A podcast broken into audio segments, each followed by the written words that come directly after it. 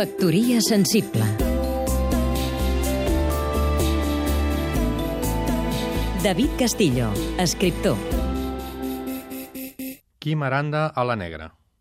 El periodista Quim Aranda, després d'haver col·laborat en la majoria dels diaris de Barcelona, alguns ja extints, i a TV3, actualment està de corresponsal a Londres del diari El Punt Avui.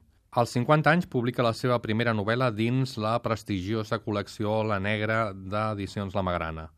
Es tracta d'una novel·la negra amb espionatge ambientada a l'agost del 2013 quan es troba el cos sense vida del professor escocès Paul McEwan, assessor del govern català en el procés cap a la independència.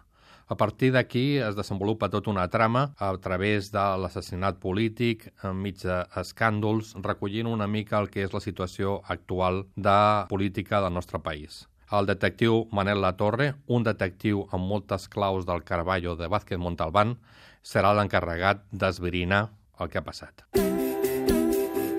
Factoria sensible